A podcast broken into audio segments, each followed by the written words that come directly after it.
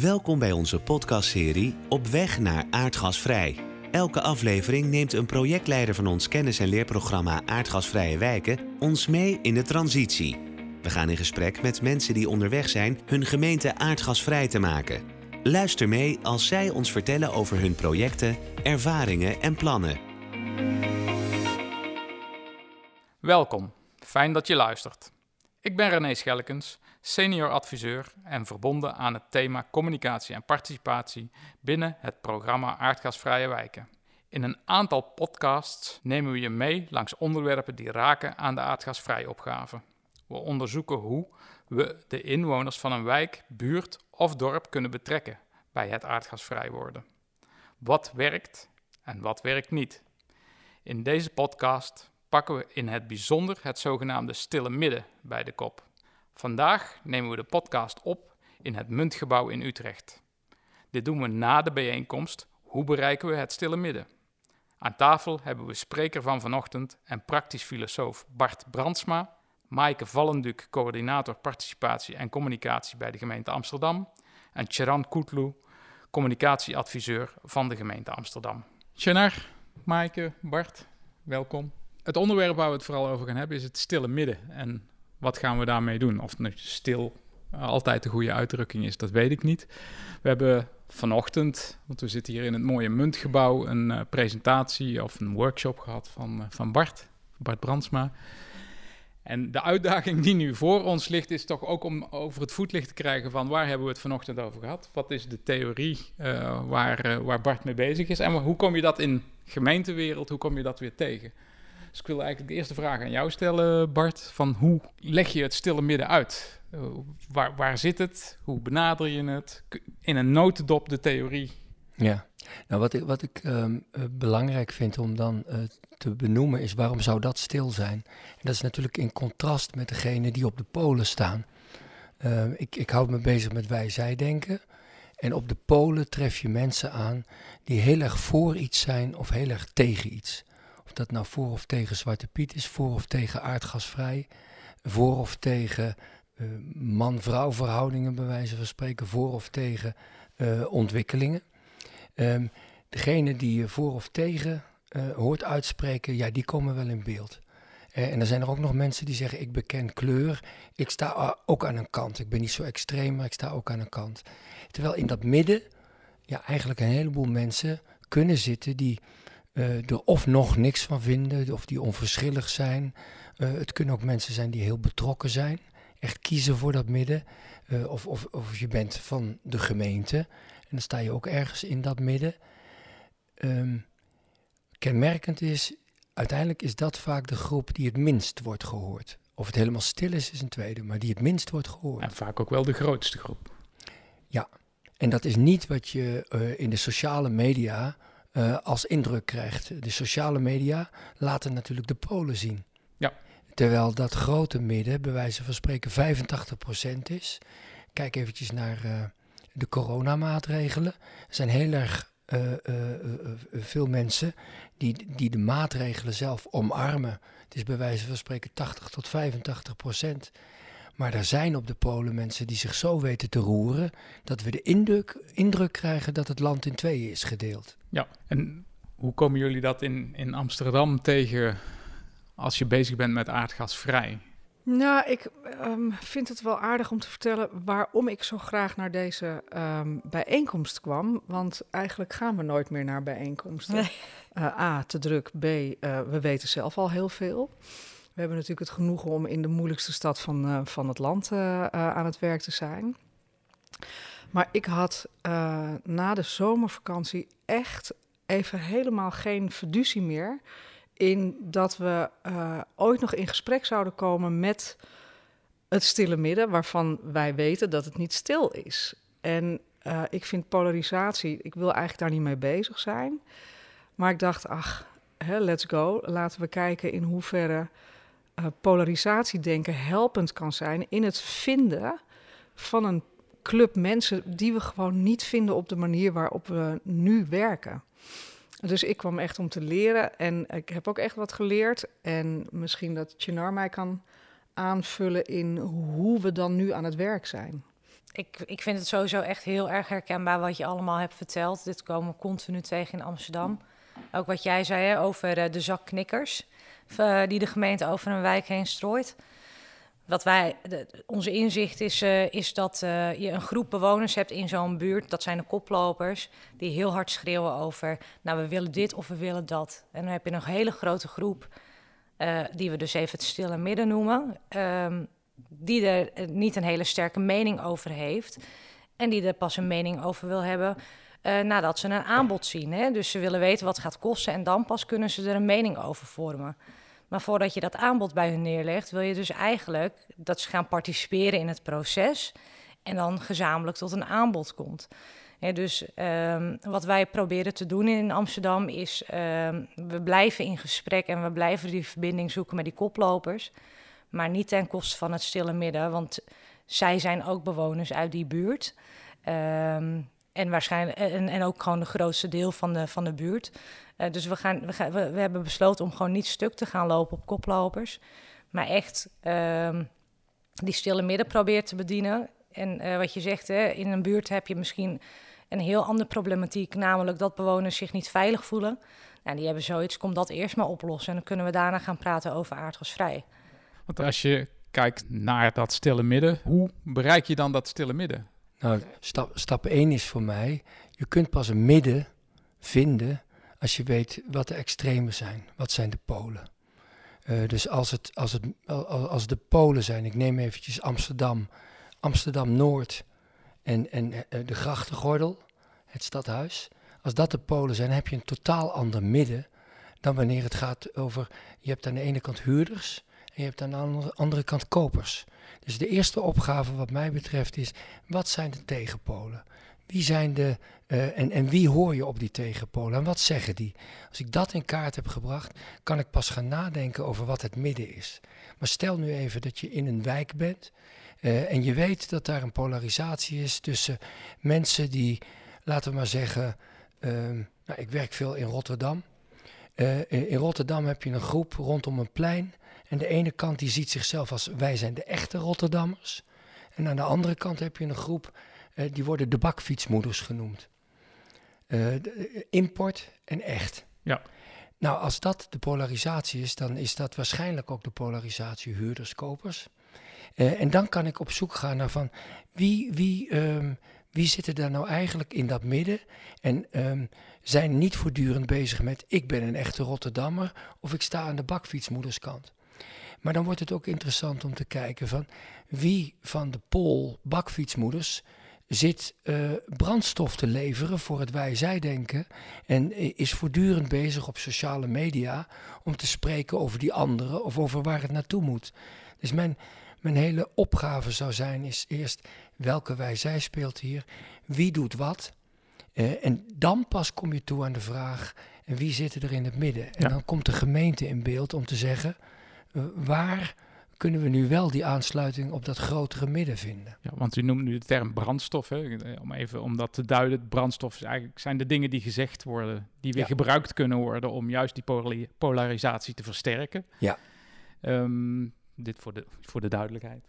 Dus, ja. um, als je nu kijkt naar uh, wat, je, wat je schetste, je hebt die, die polen. Je zou zelfs kunnen zeggen misschien dat je ook in een traject... De polen zijn er altijd, maar je hebt ze misschien ook wel gewoon nodig. Um, vervolgens heb je dus de mensen die, nou, misschien vinden ze het allemaal wel goed, of uh, het is iets waar ze niet mee bezig zijn, of ze zijn juist wel betrokken, maar ze vocaliseren het niet. Maar hoe bereik je ze uiteindelijk? Hoe, hoe kom je met die mensen in gesprek? En um, ik, ik meende jou uh, vandaag ook te horen zeggen van, nou ja, we zijn in Van de Pekbuurt zijn we bezig geweest. En hoe hebben jullie dat daar gedaan? Welke positie heb je ingenomen? Nou, ik denk dat de Van der Pek uh, misschien wel het beste bediend ooit is geweest uh, door het team communicatie. We hebben ongelooflijk veel uh, tijd en moeite gestoken in het maken van producten die aansprekend genoeg waren om het gesprek in Van der Pek op gang te krijgen. Ik denk dat we daar ook hartstikke goed in gelukt zijn.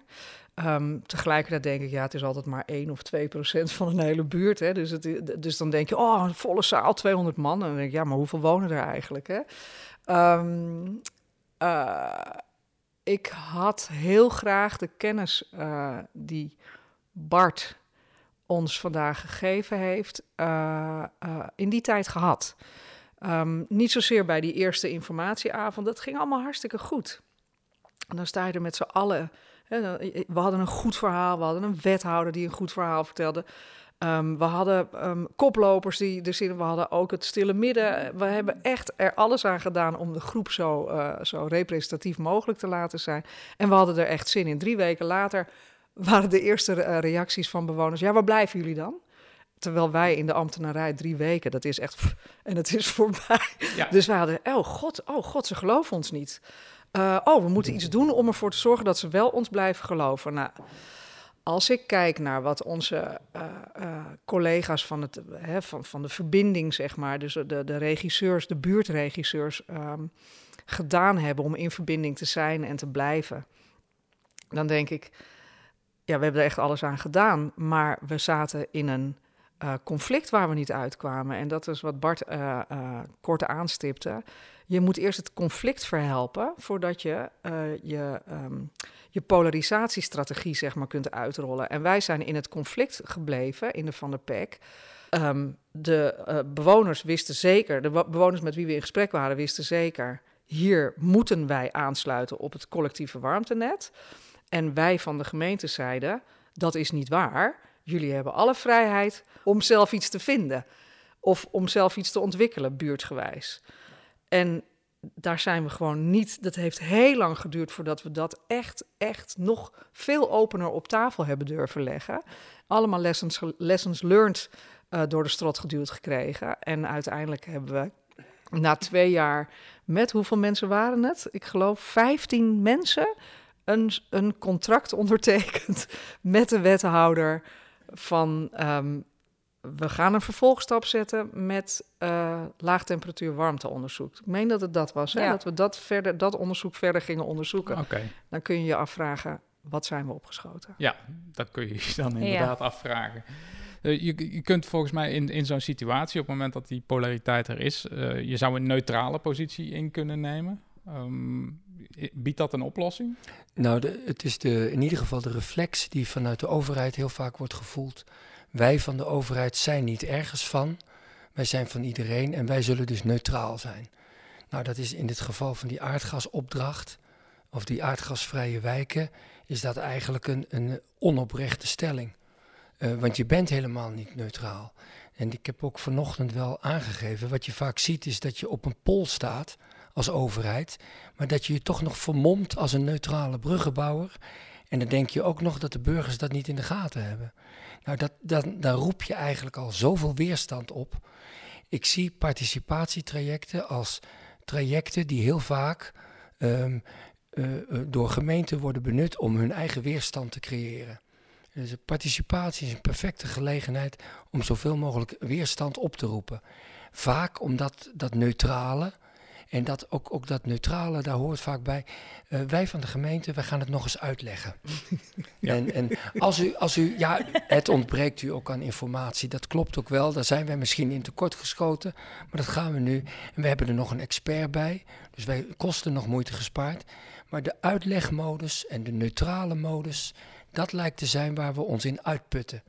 En, en ja, wat voor effect heeft het? Heel veel meer weerstand. Ja. Is, is dat iets wat jij herkent, Jenner? Ja, onwijs. We staan als gemeente altijd uh, 10-0 achter bij de bewoners. Uh, uh, hè, en dat is ook gevoelsmatig, hè? want al kom je met nog zo'n helder verhaal en heb je inderdaad allerlei feiten op een rijtje en dan gaat het niet over politieke beslissingen, maar echt over het wat en wanneer en, en hoe ga je dat doen. Uh, je wint het niet van, van nou, een, een, groep die daar een hele sterke mening over heeft ja. en die je als uh, gesprekspartner niet vertrouwt. En wat we dan heel vaak inzetten is eigenlijk het uh, regionaal energieloket. Dat is een energieloket uh, in, de in de regio waar, waar, Amsterdam ook onder valt. En uh, zij doen het echt onwijs goed. Hè? Dus als zij daar iets staan te vertellen of het gesprek gaan voeren, dan verlopen die gesprekken heel anders. Ze hebben zo'n onwijze gunfactor, juist omdat ze niet van de gemeente zijn. Dus eigenlijk probeer je altijd een beetje terug te trekken. maar goed, het is, je moet daar ook een, goed, goede balans in kunnen vinden. Want in hoeverre laat je het los en laat je externe uh, hiermee aan de haal gaan? Uh, versus um, ja, tot waar moet je ze laten praten, zodat je als gemeente niet in een positie komt waarbij je 5-0 achter staat. Ja. Als, je, als je nu dit, dit zo behoort, hè, want we hebben natuurlijk net de bijeenkomst gehad waarin een term voorbij kwam als net noemde ik neutraal, maar je had ook onafhankelijk. En dat is weer een hele andere positie. En als ik nu hoor het, uh, het energieloket, dat lijkt dan meer een onafhankelijke positie in te nemen dan een neutrale positie. Kun, kun je dat wat toelichten, dat verschil tussen die twee? Ja, dus neutraal is kleurloos. En dan ben je niemand. Uh, en degene die zegt ik ben neutraal, die roept over zich af dat iedereen voortdurend kijkt, uh, maar waar staat hij nou echt? Of waar staat ze nou echt? Dus je wordt voortdurend gewogen. Uh, en eigenlijk word je gegijzeld in die positie, want je kan het voor beide kanten niet meer goed doen. Onafhankelijk is dat je zegt: um, ik ga in gesprek met mensen, maar ik laat wel degelijk zien um, wat mij beweegt. Uh, en het zou bijvoorbeeld kunnen zijn dat je naar een wijk gaat en dat je zegt als professional: mensen, ik, ik zet mij met hart en ziel in voor, voor, voor deze doelen. En dat aardgasvrije wijken, ik geloof er ook in. Maar er is bij mij ook twijfel. Ik worstel wel met een aantal dingen. En die worsteling bij mij, die komt er misschien wel op neer dat, dat ik zie dat er in Glasgow een, een, een conferentie is, een klimaattop. En dat ik dan denk van, geloof ik er nog in? En, en, en, aan de andere kant, ik wil ook wel dat optimisme houden. Maar moet ik, moet ik zoveel doen en moet ik er ook nog voor gaan betalen voor iets waar, waar ik maar heel weinig zekerheid over kan krijgen? Nou, dat, als, stel dat je dat zou doen. Uh, uh, ik zit nu maar te fantaseren. Mm -hmm. hè? Mijn tekst uh, komt er nu zo uit. Ja. Maar ergens, je kijkt naar mij en je voelt wel dat ik dit een beetje meen. Ja. Dit is mijn worsteling. Als je met een echte worsteling mensen tegemoet treedt, dan is dat heel onafhankelijk. Je laat zien wie je bent maar je hebt nog niet eens gekozen. Dan ervaren mensen jou als echt. En dan zeggen ze, ik herken wel of ik herken niet. En, en je nodigt eigenlijk mensen uit om een eigen worsteling te tonen. Ja, en dan hoef je alleen nog maar te luisteren.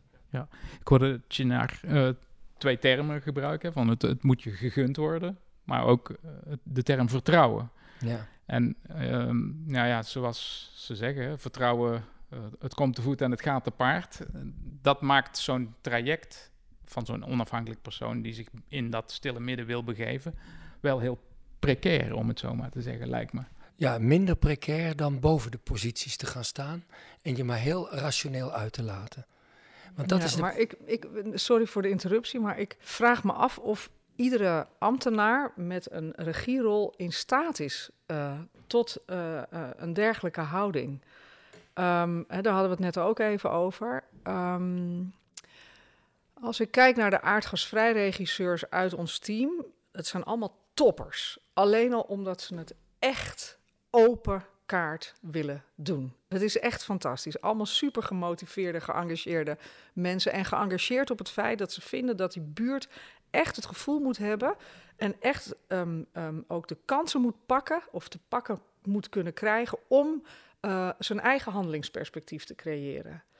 En tegelijkertijd zijn we allemaal van die overheid, die dus in 2050 aardgasvrij in Amsterdam heeft de overheid, hè, BMW besloten in 2040 aardgasvrij. Dat is hartstikke ambitieus.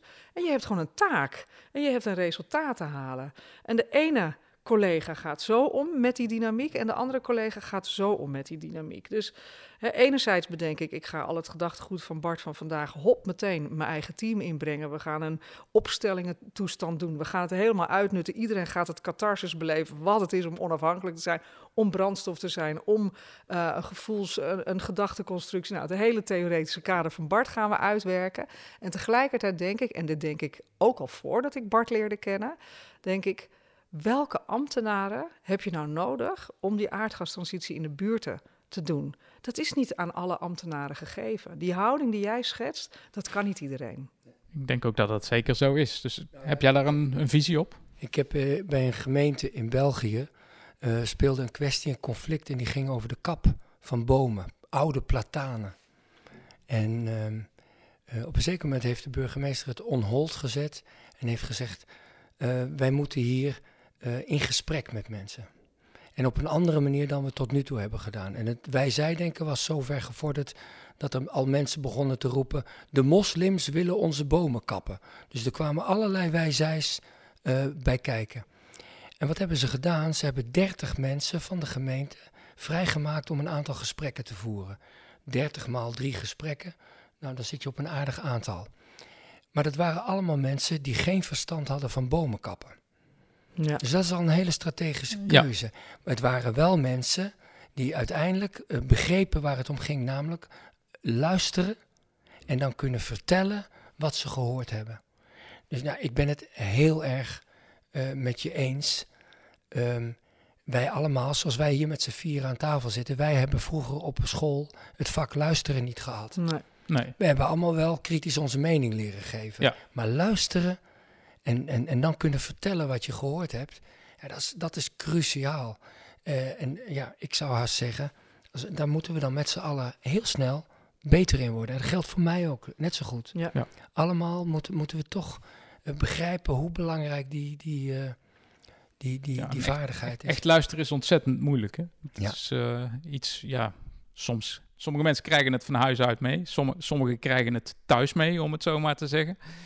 Um, dus ja, dat zijn dingen die, ehm, ja, je kunt ze wel leren, denk ik. Maar op het moment dat je echt luistert, moet je ook oprecht luisteren. En op het moment dat dat een trucje blijkt... Val je door de mand. Precies. Nou ja, je moet dan dus eerst heel eerlijk in de spiegel durven kijken. Ik zou niet heel snel over mezelf zeggen, nee, ik kan heel goed luisteren. Ik kan vooral heel goed praten. Uh, maar ik wil heel graag ook goed kunnen luisteren. Um, dat is mijn eigen keuze geweest. Um, en dan hou ik mezelf een beetje op de achtergrond door te zeggen: ja, ik ben er niet de beste in. Maar ik ben in de tussentijd op mijn 51 heel hard aan het leren. En uh, ook dat is een houding die ik persoonlijk zo gekozen heb, maar die ik niet verwacht van mijn collega-ambtenaren dat ze die allemaal maar zo hebben. Nee. En ook als ik naar mijn team kijk, uh, waar Chinar uh, één, één van is. Er zijn allemaal mensen die bereid zijn zichzelf uit te vinden. Ook omdat ze jong zijn, maar ook de mensen van mijn leeftijd die in mijn team zitten, die zitten op die hobby. Ja. Ik denk dat dat helpt. Nou, ik, ik ben zo mogelijk nog ouder, zeg maar. En volgens mij uh, zit ik ook wel in die modus. Maar als je, als je een vraag die daar straks ook in de bijeenkomst naar voren kwam, is van hoe, hoe vertel ik dit nu aan mijn wethouder? Want die hebben bepaalde posities die ze vaak innemen. Hoe, heb jij tips in die richting van hoe zou je zo'n zo'n wethouder ja. ik, kunnen beïnvloeden? Op uh, als, als ik heel kort moet gaan, en dan is het lastig, want de luisteraar heeft niet al die rollen uh, voor ogen zoals ik die vanochtend in de workshop heb geschetst. Maar het kan belangrijk zijn om aan een wethouder te laten zien wat het effect is als je in de overtuigingsstand gaat staan of de verdedigingsstand. En wat, dat is een andere positie, dan sta je op een pol, dan die waarin je rationeel boven de partijen gaat staan. Dan ga je uitleggen, dan ga je instrueren. Dan uh, ben je bezig om met de feiten uh, mensen uh, in te lichten over waar het naartoe moet. Dat ziet er neutraal uit, maar de houding is: ik vertel wat ik weet, want jij hebt het nodig om mijn verhaal te begrijpen. Mijn verhaal moet bij jou tussen de oren. Dus dat is dus je kunt als wethouder zeggen overtuigen, verdedigen, je kunt uitleggen of instrueren. Ehm, de effecten daarvan zijn over het algemeen dat je daarmee meer polariseert. Je neemt mensen niet mee op jouw weg. Dus je zou willen dat een wethouder wordt geholpen om te kijken naar een derde positie. En die versterkt het midden. En die derde positie is dat je gaat luisteren, maar ook vertellen. Een wethouder die je vertelt, die alleen maar zou moeten luisteren, die wordt heel ongelukkig. Maar een wethouder die luistert en dan de kans krijgt om met alle kwaliteiten en taalgevoel het vraagstuk van het midden te benoemen, uh, datgene wat in het midden leeft, het verlangen van het midden, en die dat als een verhaal kan vertellen. Wat je doet bij uitleggen en instrueren is informatie geven, feiten. Dat is geen verhaal. Uh, als je mensen wil meenemen in een beweging, heb je verhaal nodig. En dat moet hun verhaal zijn. En daarom moet dat beginnen bij hun worsteling. En ik zou de wethouder adviseren: uh, vertel je eigen worsteling. Alsjeblieft, laat zien dat jij ook worstelt met het spanningsveld waar we allemaal in zitten. dan gaan mensen wel met je mee. Ja, wat ik zelf vaak in gesprekken zeg, uh, te pas, misschien te onpas, weet ik niet. Is als, ook als ambtenaar ben je zelf ook inwoner van een wijk. En bij alles wat je bedenkt, bedenk ook eens van hoe, hoe, hoe komt dat nou binnen als je die inwoner zou zijn. En uh, ik weet niet of dat een methode is om hier in elk geval op een goede manier naar te kijken. Maar ja, voor, voor mijzelf werkt dat in elk geval. Wat ik wel mis in het verhaal is, um, dit gaat echt over hoe uh, ga je dat gesprek dan voeren met het stille midden. Maar voordat je dat gesprek kan voeren met het stille midden, moet je ze maar eens zien te bereiken. Ja. En, en dat is echt wel een van de grootste uitdagingen die de gemeentes hebben uh, binnen aardgasvrij. Dus dat, dat mis ik nog wel. Uh... Ik, ik denk wel op het moment dat je dat schetst, hè, van hoe, hoe, hoe bereik je ze of hoe, hoe kom je daar binnen, binnen dat stille midden? Dat is natuurlijk een hele, hele relevante vraag. Zie ze maar eens te vinden, want ze zijn niet, niet voor niks stil. En ik begrijp van de buurt ook echt mee te krijgen dat jullie zoiets ontwikkeld hebben als het buurt-DNA. En daar weet jij alles van. Ja, we onderzoeken het buurt-DNA. Jullie onderzoeken het buurt-DNA. Dat is er al. Ja, het buurt-DNA is er, dat snap ik. Precies. Ja. ja. Nou, wat we, wat we eigenlijk doen als we gaan starten met een buurt, dan onderzoeken we van uh, uh, wie wonen er in deze buurt, wat zijn de leeftijdsverschillen, dus uh, welke afkomsten zijn hier vertegenwoordigd. Dus dat doen we enerzijds. Aan de andere kant kijken we naar het 25 groene model en dan kijken we, nou, welke tint groen is hier het meest vertegenwoordigd. Uh, leggen we ook nog eens het BSR-model naast. Dat is het model met de vier kleuren: hè? Blauw, rood, geel en groen. En op basis daarvan maken we eigenlijk, schetsen we de, de buurt-DNA. Um, en weten we ook echt wat we wel moeten doen bij die doelgroep en wat niet. Zo heb je buurten waarin het heel goed werkt als je ze wat. als, je, als je ze eigenlijk gewoon gratis dingetjes weggeeft, zoals een kookschort en er staat dan een mooie logo op van Amsterdam aardgasvrij, dat kunnen wij. Of een magneetje, nou dan kunt u thuis testen of uw pannen geschikt zijn voor uh, inductie. Maar je hebt ook buurten waar dat hartstikke averechts zou werken. Dus het is ontzettend belangrijk dat je voordat je begint met communicatie of participatie in een buurt, dat je, dat, je, dat je onderzoek doet. En dat kan je onwijs kwalitatief doen. Uh, uh, maar dat, dat, dat hoeft niet per se als je daar de middelen niet voor hebt. Dat kun je ook doen door in gesprek te gaan met mensen die de buurt uh, in ieder geval beter kennen dan dat jij ze kent. Um, en wat dan heel, echt hartstikke belangrijk is, is dat de toon die je aanslaat in bijvoorbeeld je bewonersbrief um, heel goed wordt ontvangen door zo'n doelgroep. En uiteindelijk is iedere bewoner natuurlijk anders. Dus je bent ook wel een beetje aan het generaliseren. En dat is, het, dat is, dat is de, de kanttekening. Uh, maar over het algemeen werkt dat ontzettend goed. Um, als je een buurt hebt waarin heel veel bewoners laaggeletterd zijn, um, of financiële problemen hebben en bang zijn dat als er een brief komt van de gemeente dat het misschien wel een rekening is, dan maak je er eigenlijk gewoon een kaartje van. En dan uh, is het uh, nou, met, met dezelfde boodschap, maar dan wel uh, grotere lettertype, een blokje waardoor je iets uitlicht. goed, dus in iedere buurt pas je, ja. pas je je communicatiestijl opnieuw toe. En wat echt wel het allerbelangrijkste is, hè, want luisteren is een, van de belangrijkste dingen. Maar wat, wat, wat daarbij hoort, is dat je moet kunnen spiegelen met je doelgroep. Dus dit gaat over communicatiemiddelen. Maar als je zo'n buurt ingaat, dan moet je eigenlijk als het ware, weet er ook gewoon een beetje hetzelfde uitzien. Dus je wil daar niet met je blouse en je zo'n broek gaan staan. Eigenlijk wil je gewoon een trui aan en een jeans aan en wat sneakers. Hè, en je pas je toon een beetje aan. En want je wil toch die connectie met die bewoners. Dus eigenlijk is het gewoon super maatwerk, maatwerk, maatwerk. Iedere keer opnieuw kijken naar die bewoners. Lopen een dagje rond. Um, observeer wat daar gebeurt. Kijk hoe mensen zich gedragen tegenover elkaar. Dus wat je zegt, een hele goede analyse van de buurt. Wat dan uh, buurt-DNA is. Ja. Dat is heel erg belangrijk. Is dat ook iets waarvan jij zegt van nou, dat, dat, dat moet je zeker doen? Ja, het verhaal spreekt me enorm aan. Uh, ik, ik, noem bij dat bereiken van dat stille midden altijd de recruteringsstrategie. Uh, maar dat betekent, uh, als je wil mensen recruteren van dat midden, uh, dat je ze moet kennen. Nou, dat hoor ik hier. En dat je op die manier weet aan te sluiten op met spiegelen en alle technieken daarbij, lijkt me heel erg belangrijk. als je dat niet doet, dan blijf je gevangen in een voor of tegen. Dan heb je alleen de koplopers, heb je alleen de tegenstanders. Dus ik vind dit een prachtig voorbeeld waar ik weer van leer over hoe je een recruteringsstrategie op kan zetten. Ehm, dat woordje hou ik vast, recruteringsstrategie. Het klinkt een beetje militair, maar je, jij bepaalt met wie je in gesprek gaat. Ja. Omdat jij het van belang vindt om die en die mensen als eerste of als tweede of dan als derde uh, mee te trekken. Dus dat, uh, dank voor dit mooie voorbeeld.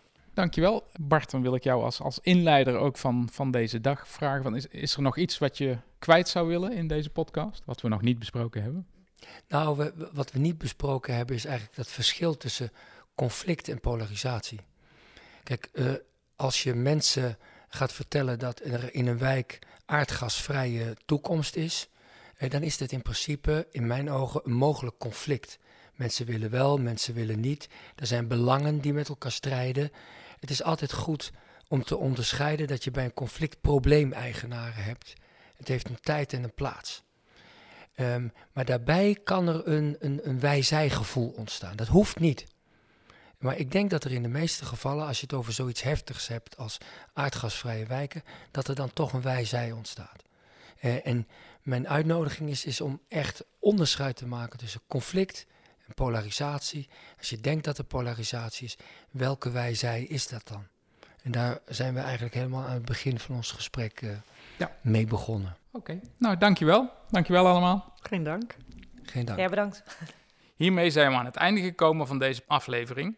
Naast deze podcast organiseren we nog tal van andere activiteiten.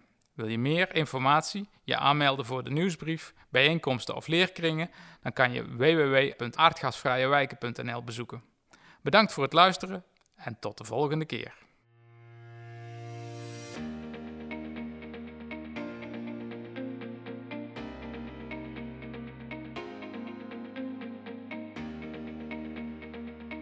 Deze podcast is opgenomen in opdracht van het kennis- en leerprogramma als onderdeel van het programma Aardgasvrije Wijken. Dank aan alle mensen die voor en achter de schermen hebben meegewerkt.